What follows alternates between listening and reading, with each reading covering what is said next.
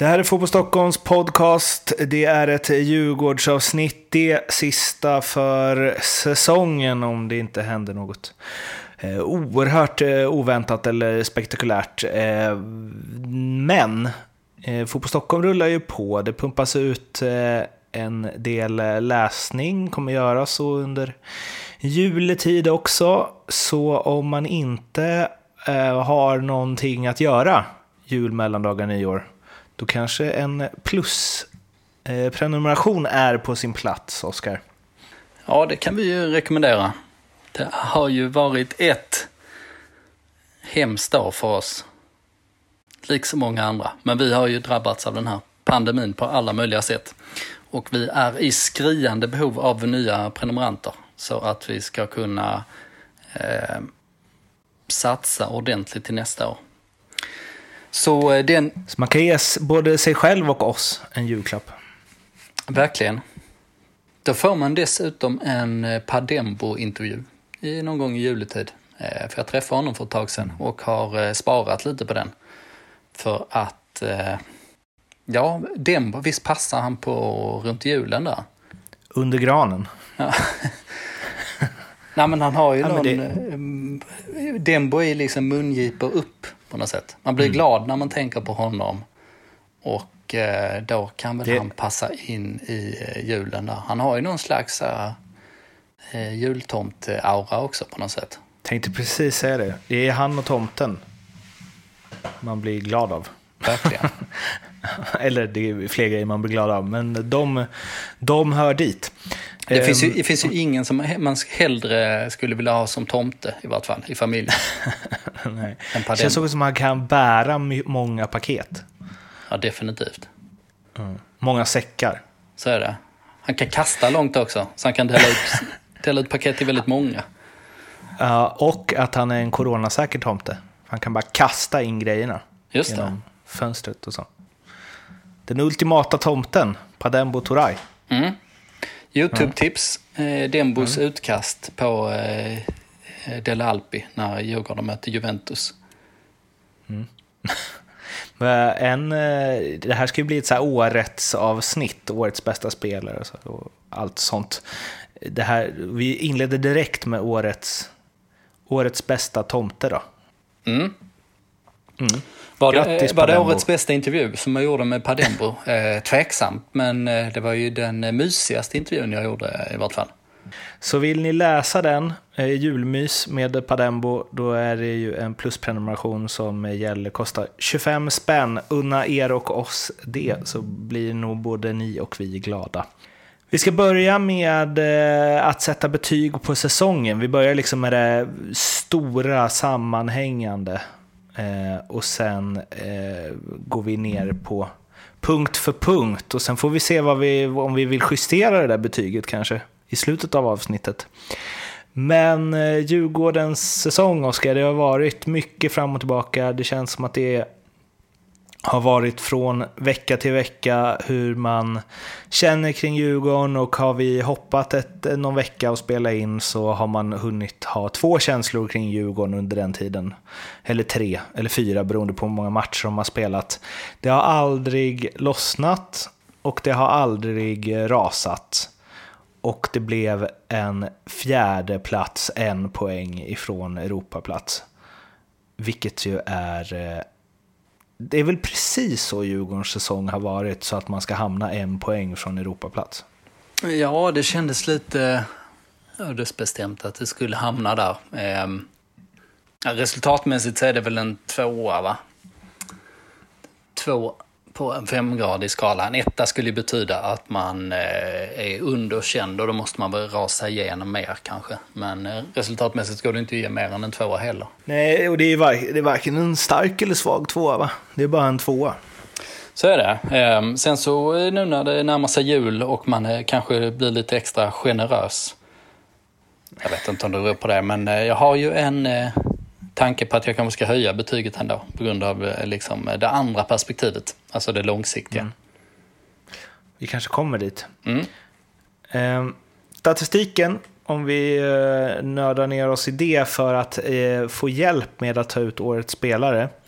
Och då har vi två eh, saker, eller två tjänster, 12 och eh, Sofascore. Eh, och de ser ju ganska olika ut, får man ju säga. Ja, de gör det. Um, kan du förklara varför? Det kan jag väl. Eh, vi har tagit ut eh, en... Eller vi har sett vilka som var de fem bästa spelarna på de här två statistiktjänsterna. Och eh, det som är likt är ju att fyra spelare återkommer och sen på enligt 12, som vi gillar mycket, så är Curtis Edwards nummer fem. Um, den som har presterat femte bäst i laget och det vi tittar på är eh, hur eh, bra man har presterat per spelad minut.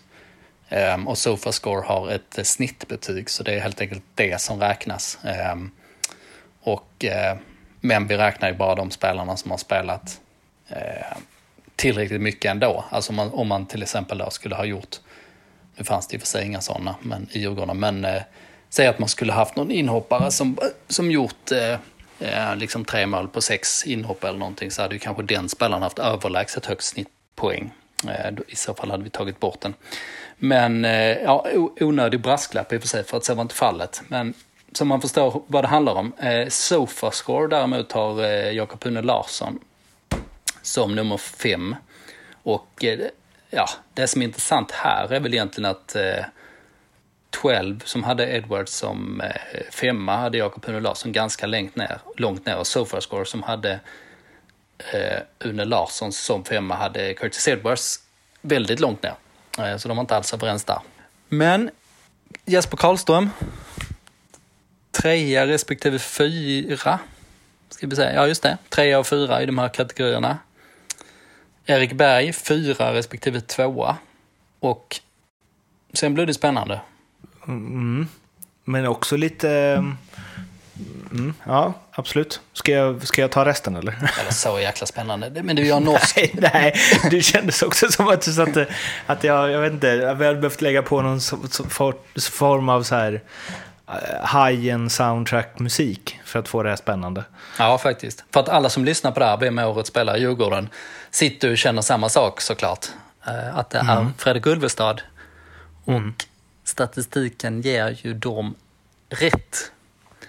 Även om Vittri är ganska nära om vi lägger ihop de här två statistiktjänsterna. Men mm. om vi tittar på våra egna spelarbetyg under året så är det också Fredrik Ulvestad som är bäst och då ligger Vittri en liten bit ner. Jag tycker nästan att vi har undervärderat honom lite i betygssättningen. Han är ju den som har varit bäst, det är ju ingen snack.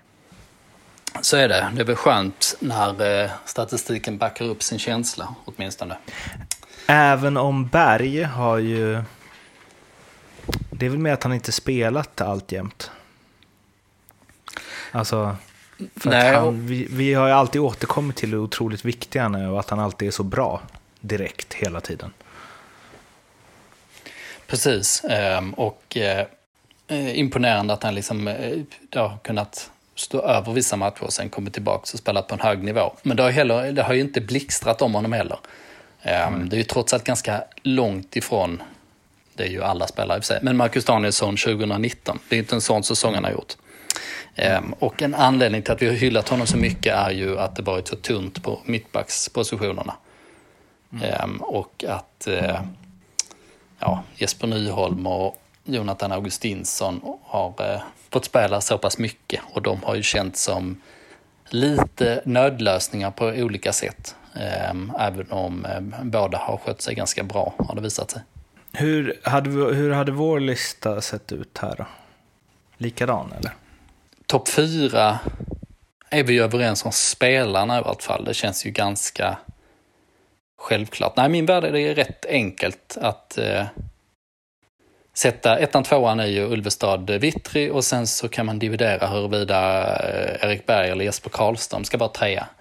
Kanske då att jag väljer Karlis det här året eftersom han har bidragit mer totalt sett. Att han kanske liksom inte haft en, eh, en högre snittnivå så att säga, men eh, eftersom han är en garant hela tiden för att spela 90 minuter så kanske jag hade satt honom som trea.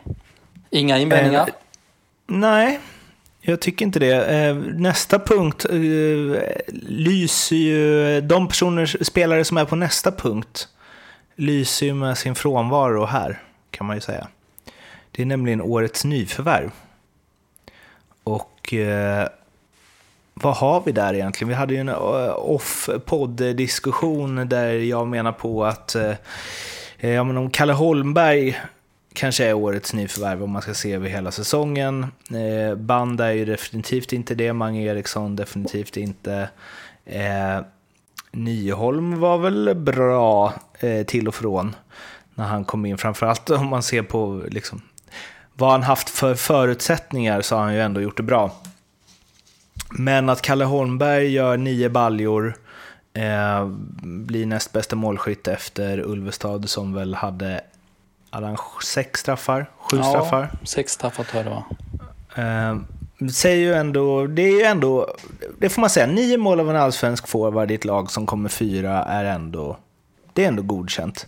Men jag tycker ju att med det, att Kalle Holmberg är årets nyförvärv i Djurgården, eh, liksom stämmer också in i deras säsong. Det hör ihop med missa Europaplatsen med en poäng aldrig riktigt fått det att funka.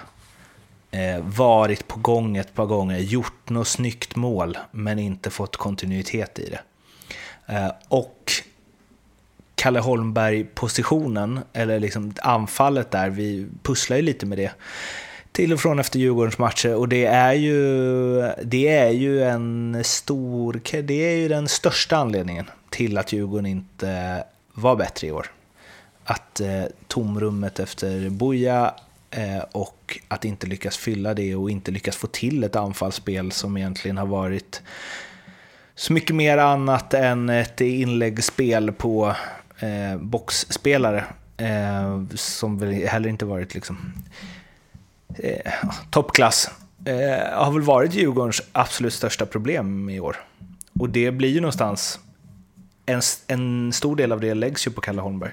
Ja, absolut. Jag vill ju vara ännu hårdare här bara. Mm, okay. Jag är ju med jul. på... nu hårdare klappa. Eh, jag, eh, Kalle Holmberg, eh, jag är med på den spaningen. Men om man tar liksom nyförvärven som en total så hade ju det snarare liksom indikerat en riktigt dålig säsong. Alltså för att mm. Holmberg han gjorde ja, det är godkänt kan man väl ändå säga. Även om han, liksom, han var inte riktigt typen som han behövde. Um, han kanske blir det framöver beroende på vad man hittar på marknaden sen. Uh, man får en bättre komplementspelare. Men uh, Banda uh, har ju inte spelat någonting i stort sett. Ehm, Jesper Nyholm, eh, ja, som du sa, gjorde bra utifrån sina förutsättningar. Men det var ju mer en liten paniklösning, ehm, åtminstone kortsiktigt. Och Mange Eriksson har än så länge eh, ja, floppat får man nästan säga. Eh, sen han kom in. Eh, han tror jag däremot blev bra på, på sikt. Men eh, nej, eh, det, det, här var ju kanske inte nyförvärvssäsongen heller. Det var ju rätt tydligt att fundamentet i laget skulle vara det som vann SM-guld. Ehm, men man kan i alla fall konstatera att det är ju inga hits där i vart fall. Ehm, och sen så om man liksom väger in Emil Kujovic, man plockar in förra sommaren ehm, så har ju inte han heller blivit vad man hade hoppats på. Så man har ju faktiskt inte träffat riktigt rätt på eh, nyförvärven på ett, ett ganska bra tag får man väl säga. Ehm, men däremot kan man väl hoppas att årets nyförvärv blir någon av dem som precis har kommit in. Alltså om man, om man definierar det på det viset. Det vill säga bästa eh, köpen eller värvningarna under kalenderåret så har Djurgården precis värvat tre stycken spelare som är intressanta på olika sätt. Ja, och du har ju tagit till hjälp av eh, kollega på Fotboll eh, Skåne, Jonas Hansson, som har plockat fram eh, intressant Elias Andersson-stats. Ja, precis. Jonas Hansson som älskar statistik och använder sig av det på ett jävligt intressant sätt. De som har följt honom på Skåne vet precis vad det handlar om. Ehm, men det där borde vi, och vi kommer göra mer utav det på, För på Stockholm också. Ehm, för det finns väldigt mycket intressant statistik nu för tiden. Och en helt annan kvalitet på de siffrorna som finns nu jämfört med bara för ett par år sedan till exempel. Och sen är, eh, ja man kan få rätt mycket svar i statistiken helt enkelt. Man vet ju att, spelarna, att klubbarna värvar statistikmässigt mer. Och jag tror absolut att man ska gå åt det hållet när man värvar. Eh, sen är ju såklart statistiken är aldrig svaret med stort S, men eh, det kan vara en ganska stor del av det i vart fall. Ehm. Får jag bara en grej kring det? Eh, jag vill ju gärna ibland leda in grejer eller koppla det till hockey eftersom jag jobbar en del med det också. Där är det ju så otroligt mycket längre fram på det känns det som. Där värvas det ju utifrån det. Ja, verkligen. Sen så Rätt är ju också. Fotbollen är ju mer komplex vad det gäller statistiken såklart. Mm. Jo, absolut. Och det är alltid så här ja, fler avslut på mål och fler chanser och så vidare, vilket ju gör att det blir lättare att över tid få... Eller så här, ska, skjuter man mycket från samma ställe så kommer man förr eller, se, eller från ett bra ställe så kommer man ju göra fler mål än vad man gör i fotboll eftersom det är fler skott i hockey och så vidare. Men ja, skitsamma, I hockey, I hockey är det svårt att eh, så, äh, liksom byta taktik helt också. Mm. Och eh, sjunka jättelågt eller gå extremt aggressivt eller sådär. Hardy Nilssons torpedhockey. Ja, jag tänkte faktiskt ta upp torpedhockeyn bara för det. Men, men de spelade med Libro. Ja. det är nice. Men, eh, men den, den, typen av revolutioner är lite svåra att göra. Det är ju ytterligare en anledning till att, att statistiken inte är allt, allting. Liksom att, att man måste tolka den och sätta, sätta den i sitt sammanhang. Ehm, men vad det gäller Elias Andersson, ehm, Jonas Hansson har gjort en eh, stor statistikgenomgång eh, som jag rekommenderar alla att läsa. Vi kommer lägga den som plus, apropå vår uppmaning i början. Och Ehm, och eftersom den är plus ska jag inte spoila allting såklart. Men jag bara tänkte ta någon liten detalj. Ehm, dels att han faktiskt gjorde sex mål i år i serien. Och det är ju faktiskt bättre än Ulvestad om man räknar spelmål, för Elias hade inga straffar. Och eh, en sak som överraskar mig, eftersom jag har eh, uppenbarligen sett Sirius för lite eller fel matcher är att jag har sett honom som en defensiv playmaker, men han har liksom, enligt statistiken är lite högre upp i planen än vad jag trodde. Och han är faktiskt den spelaren i hela serien som har flest eh, korrekta passningar på offensiv eh, planhalva. Mm. Och det säger ju en hel del. Då får man ju en rätt tydlig bild av vad det är för spelare man har värvat. Men eh, ja, allra flest alltså. Mattias Lindström, min andra poddkollega, han eh, har ju spelat med honom väl. Ja, han har ju alltid hållit honom högt och eh, sagt några gånger att här, han kommer få det här genombrottet, som han ju nu fick i år. Eh, och eh, ja, jag menar att han tror att det finns ganska mycket mer i honom. Liksom. Att hans problem har väl mest varit kontinuitet i prestationer att han har liksom visat höga toppar men inte så ofta. Men att det har ju blivit oftare och oftare. Och han är ju, han är ju bara 24 så eh, känns som ett Yeah, alltså förutom Jonas Hanssons statistik så känns det som ett eh, känsla när man har sett eh, Elias Andersson i år och eh, även tidigare. Det känns som han det är riktigt bra nyförvärv alltså. Mm, eh, och det där knäcket kommer nog backa upp den bilden. Ehm, den är inte svartvit kan man väl säga, men det är mycket som talar för att det här är en, en fin värvning. Ehm, mm. Sen har vi ju Rasmus Schüller ehm, som då, det verkar ju som att de här två ändå är liksom de raka ersättarna till Ulvestad och eh, Jesper Karlström. Och eh, Schüller, jag hade hoppats att jag skulle få svar nu, men det har vi inte fått än. Jag har en Eh, en Häcken-supporter som jag har haft, eh, ja, hade lite kontakt med förra morgonen i vart fall. Men jag slängde ut en fråga, varför lyckades inte Schüller hos er? Ehm, för att han var, han var ju faktiskt i Häcken ehm, för tre år sedan och då tänker man att det där borde ju vara en, en ganska lätt miljö för den typen av spelare att eh, blomstra i, eller en lämplig miljö. Men eh, ja, vi får lämna det som ett mysterium än så länge. Han Um, hade nog bra, jag såg något på Twitter, det här är ju jävligt löst eftersom jag inte kommer ihåg vad det var jag sa eller vem som hade skrivit det. Men det var ju något jag hajade till över. Eh, han hade ju också någon, så här bäst, någon bästa statistik i finska ligan. ja, just det, men det har Han jag hade också varit sett. bäst av alla mittfältare. Ja, statistiken är superfin i eh, finska ligan. Det jag har sett. Ehm, så det stämmer. Det som eh, någon sa, som du inte vet vem det var, eh, den, den uppgiften är korrekt. Kan, Ja. jag, kan, jag kan vidimera denna. Eh, Ja, nej, han har ju varit eh, kanon i eh, finska ligan, mångsidig mittfältare. Och han fick ju stor uppmärksamhet när Finland skrällde ju där mot Frankrike och vann ju på bortaplan. Det var ju visserligen inte skarpt läge och jag tror inte att Finland hade slagit eh, Frankrike i en avgörande tävlingsmatch precis. Men eh, där var ju Schiller väldigt bra. Så han är ju uppenbarligen i en intressant fas av karriären. Men eh, sen att värdera de där eh, siffrorna är lite vanskligt. Vi har ju sett ganska många eh, spelare som kommit från Finland som inte har lyckats, trots allt. Mm. Och eh, sen har ju Djurgården i och för sig... Eh, ja, de har, de har fått känna på både och där, både misslyckande och eh, riktiga fullträffar. Och McCauley var ju den stora fullträffen. Han var ju mest känd för liksom en, eh, en eh, våldsam mittback i Finland som tog röda kort. Liksom. Och eh, den känner ju folk till hur den gick. Men eh, sen har vi ju ytterligare ett nyförvärv eh, som vi kan nämna nu också. Och det är ju Isak Hien. Som man då tagit från eh, Vasalund. Som också hade väldigt bra statistik va? har jag för mig att jag också sett någonstans. Mm, jag har inte sett så mycket statistik. Det är svårt där på division 1-nivå. Eh, Ja, men det de- var någon som hade grävt fram någonting kring... Eh, åh, kan det ha varit Robin Fredriksson? Brukar ju vara det. Mm, dit på den. Du, mm, du kan orda på så scrollar jag lite här.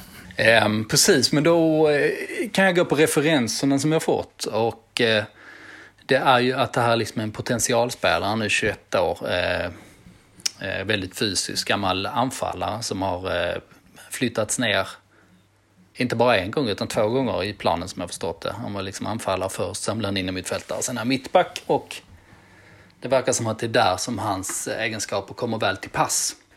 Och eh, det som jag har hört när jag pratar med folk är eh, att det som sticker ut är fysiken och eh, eh, ja, men ganska bra med boll också, åtminstone i det lilla spelet. Ehm, däremot märks det en del kanske att han är rätt färsk på positionen fortfarande. Liksom, och, eh, Ehm, och han kan utveckla sitt eh, längre spel och eh, möjligtvis liksom bli jämnare också. Ehm, det är liksom de omdömena som jag har fått, eh, som får folk ta dem för vad de är. Ehm, det enda som jag studsar på där är att man bara ska ett treårskontrakt med honom. Jag tycker man ska skriva fyraårskontrakt. Tror att just Robin Fredriksson pratar om det också. Eller t- twittrar om precis den saken också. Men eh, treårskontrakt på en sån spelare är ju risken att man hamnar i en liten eh, dum situation om eh, spelaren får en väldigt bra utveckling. Alltså säga att han eh, har ett etableringsår först, inte riktigt ordinarie och sen så tar han en ordinarie plats till nästa år och går riktigt bra och blir intressant för andra klubbar. Då sitter man ju ändå där liksom har bara ett år kvar på kontraktet. Och eh, då har man ju inte samma möjlighet att ta betalt. Så jag tycker att den typen av spelare som man tror mycket på ska, i den åldern ska man skriva fyra. För då har man ofta åtminstone två år på sig liksom, om, om det verkligen blir en sån här hit. Så det överraskar mig lite. Eh, särskilt med Bosse som brukar vara bra på det där med kontraktslängder. Jag hittade ju den här eh, spindeln här, eh, spindelnätet, där han jämförs med genomsnitten i division 1. Det är att Playmaker AI som har eh, lagt ut på Twitter.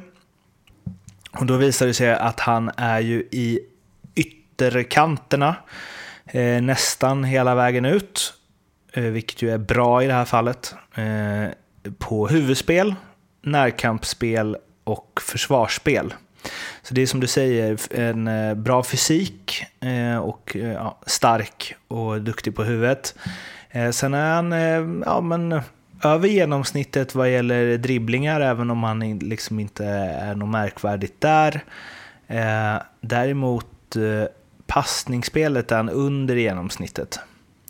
Så det kanske finns något där att han är liksom trygg med boll, men inte så bra uppspelsfot. Skulle man kunna tänka då. Mm. Utan att ha sett en sekund av honom. Det stämmer ju um, ganska bra med mina um, referenser då också. Mm. Um, men uh, verkar ju vara ett, uh, som det heter på kvällstidningsspråk, fysmonster. I alla fall. Onekligen. Och det kan vi komma en bit på, på allsvensk nivå. Det kan man. Det är ju... Man har ju ett, förs ett försprång där om man pratar potential såklart. Ehm, den är ju bara... Man kan, Darijan Bojanic kan ju inte bara bli ett fysmonster på något sätt. Mm. Eh, ja, en självklar... Hur många sådana weeks of hell Bojanic hade behövt för att bli ett fysmonster? Ja, precis. Sen hade han ju behövt eh, lite tillväxthormon också. Man ska komma upp i, ens eh, längder. Eh, nej, men det är en självklarhet. Så är det ju alltid när man köper eh, unga spelare. Men när, man, när, men när de har kommit över 20 så tittar man ju extremt mycket på fysik och vad man kan eh, slipa till. Det är ju eh, eh, någonting som alla större klubbar som eh, tittar på talanger gör. Eh, men intressant är blåa linjen-spelare, Vasalund och eh, Eh, så pass bra säsong. Sen ska man komma ihåg, de här statistiken gynnas ju också av att Vasalund vann ju nästan allting i division 1. Eh, det var ju rätt stor skillnad på toppen och botten där. Ehm, men att AIK inte plockar upp honom är ju intressant. Ehm, kanske inte så konstigt just den här gången då eftersom AIK ehm, ska snåla, eller behöver snåla lite efter att de satsade så mycket i somras. Och det är liksom stängt på mittbacks positionerna. Men eh, det är ändå intressant att observera att det blir på det sättet. För det lär inte vara tanken. Såvida man inte bedömer att, nej, att han inte riktigt eh, håller måttet. Men eh, det känns ju som en, eh, en eh, ja, det hade varit en konstig bedömning, eller en oväntad bedömning i vart fall, utifrån vad man hört och vad han har visat. Tre nyförvärv in alltså. Det finns ju pengar till fler vad eh, ska Bosse göra med de pengarna? Ja, det är jävligt intressant för att han kan göra hur mycket som helst. Alltså för att, för att eh, anledning till att jag nog inte kommer nöja mig med en tvåa den här säsongen utan att jag kommer vara lite extra snäll i juletider. Det beror ju på det långsiktiga perspektivet. Ehm, och om man jämför eh, liksom klubbens möjligheter när man gick in i säsongen och efter den så har man ju förbättrat dem kan man säga med Danielsson försäljningen eh, och med Kadewere och Badji-pengar som kom in och dessutom fick man ju faktiskt ett hyfsat betalt både för Augustinsson och Karlström nu också i vintras. Och de nyförvärven man tar in eh, är ju eh, budgetlösningar samtliga. Och det betyder att man har, ja man kan ju bara välja hur mycket pengar man vill lägga på nyförvärv. Eh, och jag förespråkar inte att man ska göra några eh, 20 miljoners affärer precis. Alltså Haksabanovic eh, till Norrköping pengar. Det är liksom inte läge för det. Men om man bestämmer sig för att kanske lägga hälften på två nyförvärv, alltså en anfallare, löpstark anfallare och en riktig klassytter så skulle man ju kunna göra det och det räcker förmodligen ganska långt i den här konkurrensen som vi kommer att ha på marknaden. Vet du vem de borde norpa? Men det kanske är för dyrt. Jag vet inte riktigt hur avtalen ser ut när man åker ur. Men Max Svensson? Jag har funderat lite på honom också. Um... Det känns som en spelartyp de... Eh, alltså det här skära in. Han är liksom en bättre bärkrot. Ja, det är inte omöjligt. Men jag, jag är så jäkla kräsen här hela tiden. Alltså jag säger att de måste bara värva eh, spets. Men eh, visst, jag ser ju det. Eh, nu gjorde Max Svensson ingen vidare säsong i Helsingborg. Jag tror aldrig talat att, att folk inte riktigt har koll på honom. Mm, att man inte vet vad han går för, men det är ju en eh, spelare som är 22 va? och som har gjort Både 2018 och 2019 gjorde han massor med mål eh, som ytter i den rollen som du beskrev. Jag tror att han är, att han, eh, han var inte så bra i år, men jag tror att han kan bli en allsvensk klassspelare snart. Väldigt snart. Eh, jag tror att hans säsong beror mycket på Helsingborgs säsong faktiskt. Eh, om man ser till hur han var i superettan och så. Mm. Men det är klart att så här, ja, vad, vad Vecchia hade ju passat förstås. Men Precis. det är för att han är bra. Han hade ju passat i alla allsvenska lag. Ja, så är det. Och han kommer ju lämna också. Han har ju eh, andra ambitioner än att vara i allsvenskan. Det är liksom... om Djurgården ska med på banan där så ska det liksom krascha och, och eh, ja, bli konstigt ganska länge. Alltså Djurgården kan ju inte plocka vecka innan den 31 januari liksom. Om allting skitit sig då. Eh, det är jag ganska säker på. Ja, Max Svensson det är inte helt dumt. Frågan är om han är tillräckligt bra bara. Om han har tillräckligt mycket potential i sig. Men han gjorde ju trots allt eh, 15 mål, ska vi se, under 2018-2019. Det var ju superettan och allsvenskan. För Helsingborg. Och han har en jäkla fart och han kan bryta in. Ehm, men han är lite ojämn och eh, tar... Han är, Backrot-jämförelsen är ju ändå relevant på något sätt det är inte alltid som det blir rätt i, i sista momentet på något sätt. Det finns en liten svaghet där, men eh, ja, kanske. Ska vi gå vidare med årets utmärkelser? Mm, så är det. Säg så här om Mark Svensson, det hade ju varit en jättebra värvning för ett antal år sedan när man fortfarande byggde budgetmässigt. Om man hittade de här fyndspelarna som visade sig att de höll och framförallt skulle hålla eh, hög allsvensk klass. Men nu när man har, ja kanske max, men då får man fan med smälla på med en riktig jävla bra anfallare längst fram. Mm. Som är en riktig löpare och jobbar hårt. Det är i alla fall... Buja. Eh, ja, ja, varför inte? Om Buja inte har trampat på fler magiska föremål så kanske han finns där. Alltså, Buja är en extremt, eh, eller mycket svårgreppad personlighet kan man säga. Saker, alltså upp kan vara ner och ner kan vara upp. Det är lite svårt att veta var man har honom och, och om han är möjlig att ta in. Men eh, ja, alla vet ju vad han betydde. Årets eh, match finns ju bara en. Ja, du tycker det. Du, vill, du kör en crowd Vi pratar om det som liksom världshistoriens allsvenska vändning när eh, Malmö ledde med 2-0 efter två Toivonen mål och det var nio minuter kvar på Tele2. Och sen gjorde Djurgården tre mål på åtta minuter och så var saken klar. Eh, och det, om det då är liksom en sån... Alltså det, ja, det är ju det. Det är ju, årets, det är ju kanske årets prestation i en enskild match i Allsvenskan. De var ganska dåliga i den matchen i och för sig, Djurgården. det är väl det möjligtvis då. Som, eh, alltså Malmö hade ju saken i en liten ask. Eh, och sen så blev det en total scenförändring i en kvart. Liksom. Verkligen, och det var så deppigt också. För att eh, den här hösten var ju, eh, det var ju hopp och förtvivlan kan man ju säga. Ehm, att, och i det läget var ju Djurgården uträknade. Och alla pratar bara om vilken bortkastad säsong det är, hur trist allting var, vilket misslyckande och så vidare. Så jag upplevde i vart fall eh, på eh, Djurgårdar i min närhet att det hände liksom inget när man reducerade och knappt när man kvitterade heller. Det var en liten knuten näve. Men sen, men sen när 3-2 målet också kom så eh, kom allting, alla, alla känslorna på en och samma gång. Kan man ju säga. Per Gessle, han ja. kommer vilja ha stimpengar för det där. Ja, jag ber om ursäkt att jag kör Per Gessle-referenser. Eh, men eh, jag körde för fan in en eh, Tranströmer-referens i AIK-avsnittet nu utan att någon har reagerat. Så då, då får, man, får man väl ändra taktik helt enkelt. Ehm, ja, ehm, tänk om det varit publik på den matchen. Det hade varit kaos.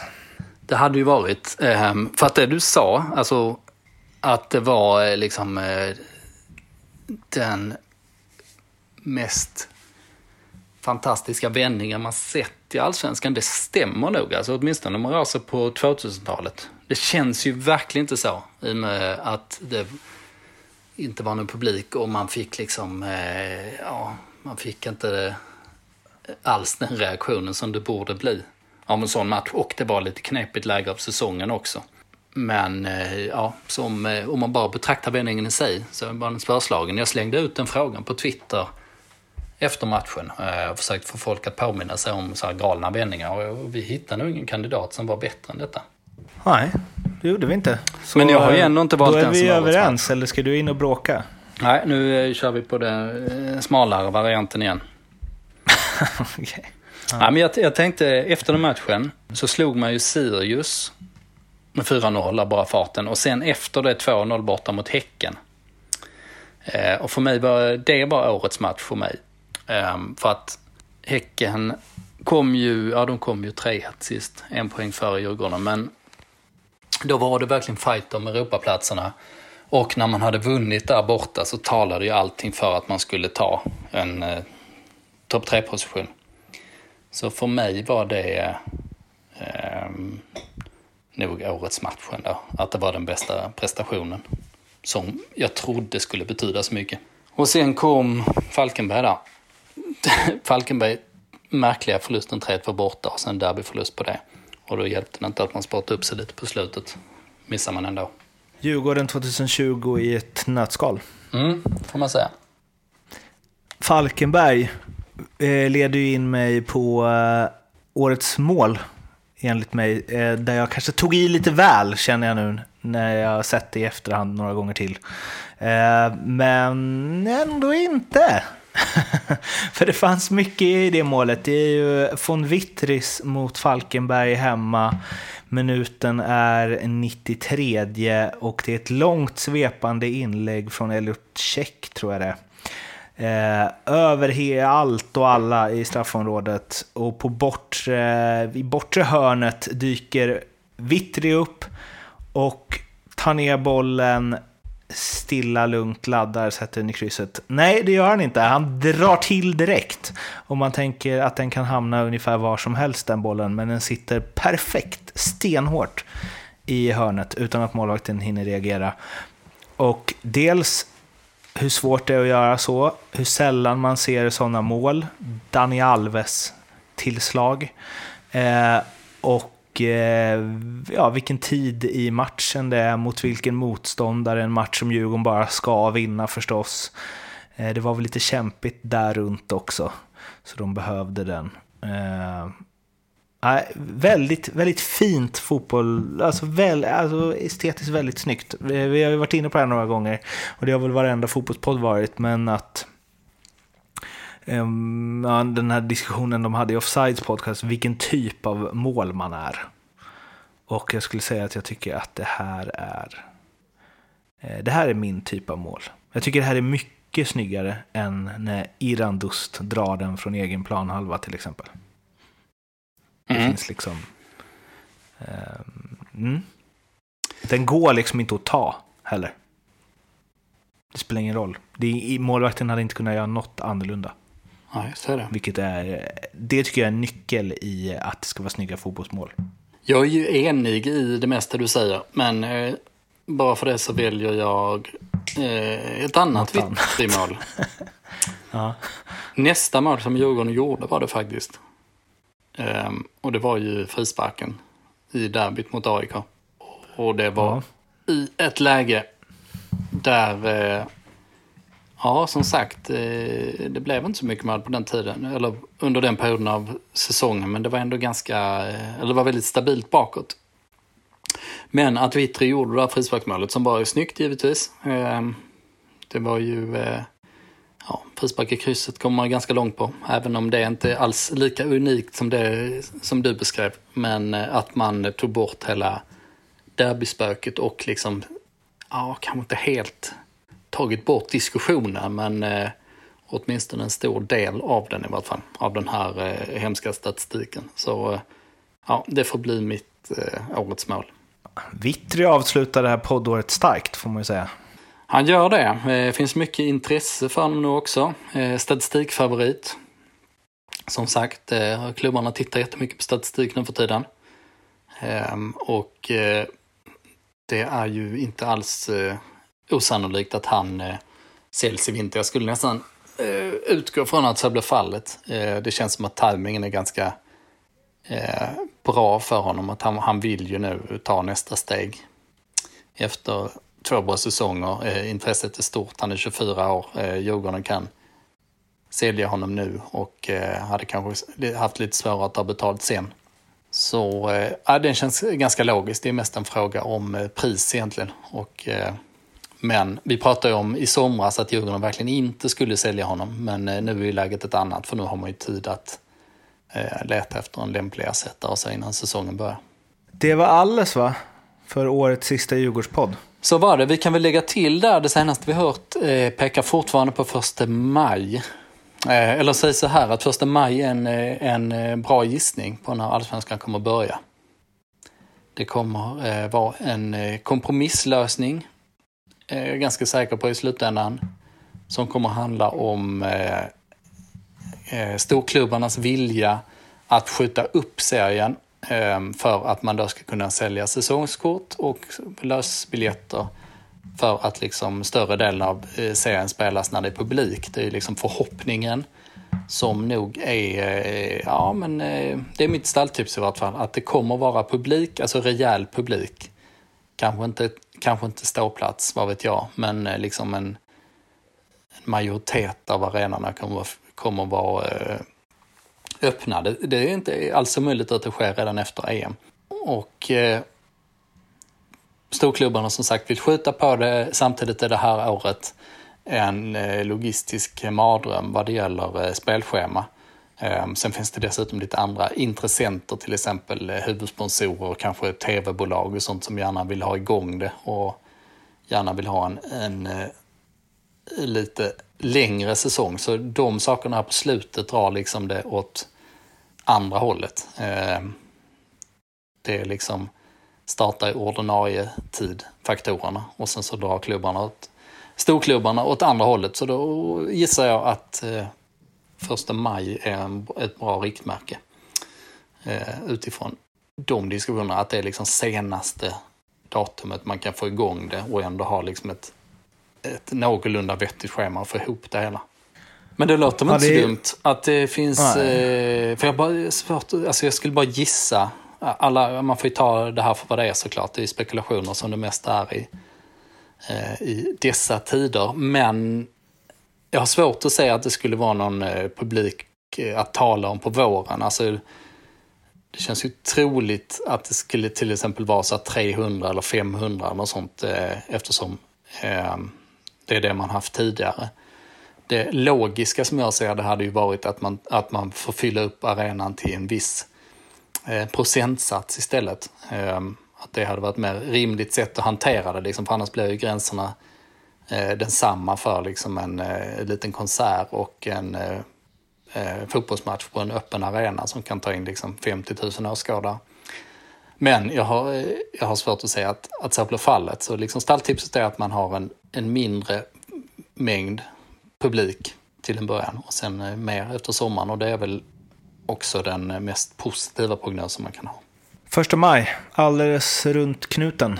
Exakt, sen ska det utbildas lite kupp och så också och det kommer ju förmodligen ja. vara ungefär där det brukar. Men vi kanske hörs lite tidigare än så. Det kanske Precis. inte kommer vara vilande av podd till första april. Nej, det behöver det inte bli. Det kan ju definitivt hända spännande saker till, fram tills dess. Inte ja. minst om man, om man går efter Bosses humör. Jävlar vad han är i form nu. det här är hans tid på året alltså. Han, han, vill, han bygger hype hela tiden. Det är han och Padembos tid på året. Ja, så är det. Vi eh, finns på Instagram, vi finns på Twitter, vi finns på Facebook. Hör av er där om ni vill eh, snacka. Och sen så hörs vi igen när vi hörs. God jul och gott nytt och allt det där. Eh, och eh, tvätta händerna. Ha det bra. Hej då.